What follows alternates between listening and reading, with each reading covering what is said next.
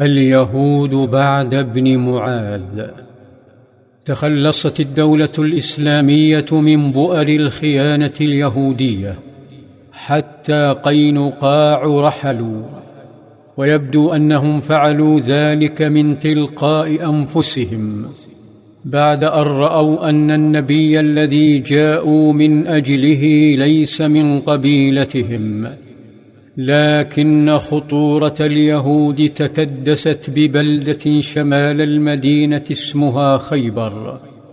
تكدس فيها خونة لهم دور في تأليب الأحزاب. أحدهم سلام بن أبي الحقيق ويقال له أبو رافع.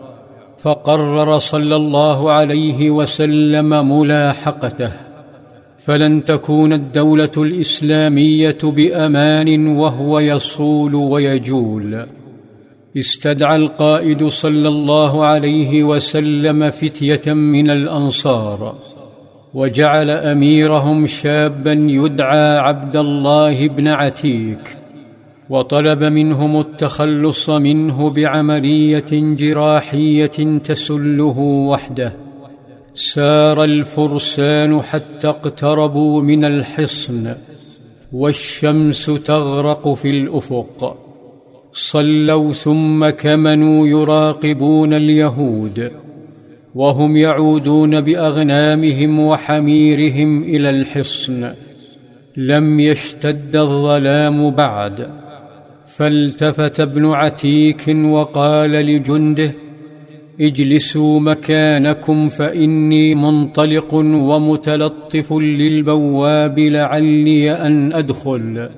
ثم سار متلثما حتى دنا من الباب لكنه لم يحتج للتلطف فقد نجح بالتسلل بين الداخلين. ثم تلفت فرأى زريبة قريبة فدخلها.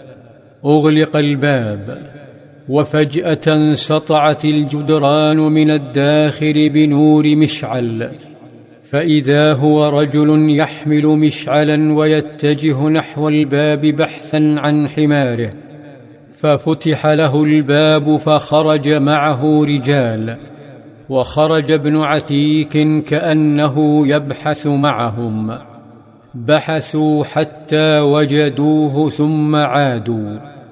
بينما كان ابن عتيك قلقا يواري وجهه ولما خاف أن يعرف توقف وغطى رأسه ورجليه كأنه يقضي حاجته فهتف البواب من أراد أن يدخل فليدخل وابن عتيك مرتبك وإذا بالبواب يهتف به. إن كنت تريد أن تدخل فادخل فإني أريد أن أغلق الباب. فاطمأن ودخل وعاد لمربط الدواب. وكمن في الظلام يراقب الحارس الذي أغلق الباب وعلق الأغاليق. وهي المفاتيح الكبيرة. علقها على وتد وانصرف.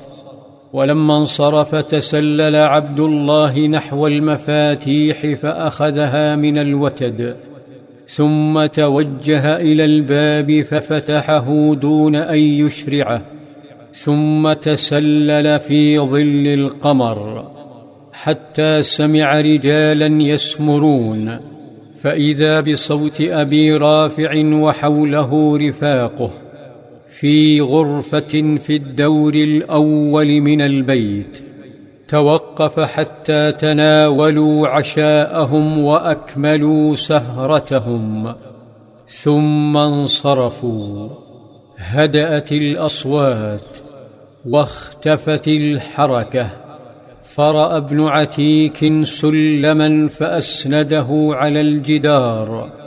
ثم صعد حتى أصبح داخل البيت الذي كان شبه مظلم.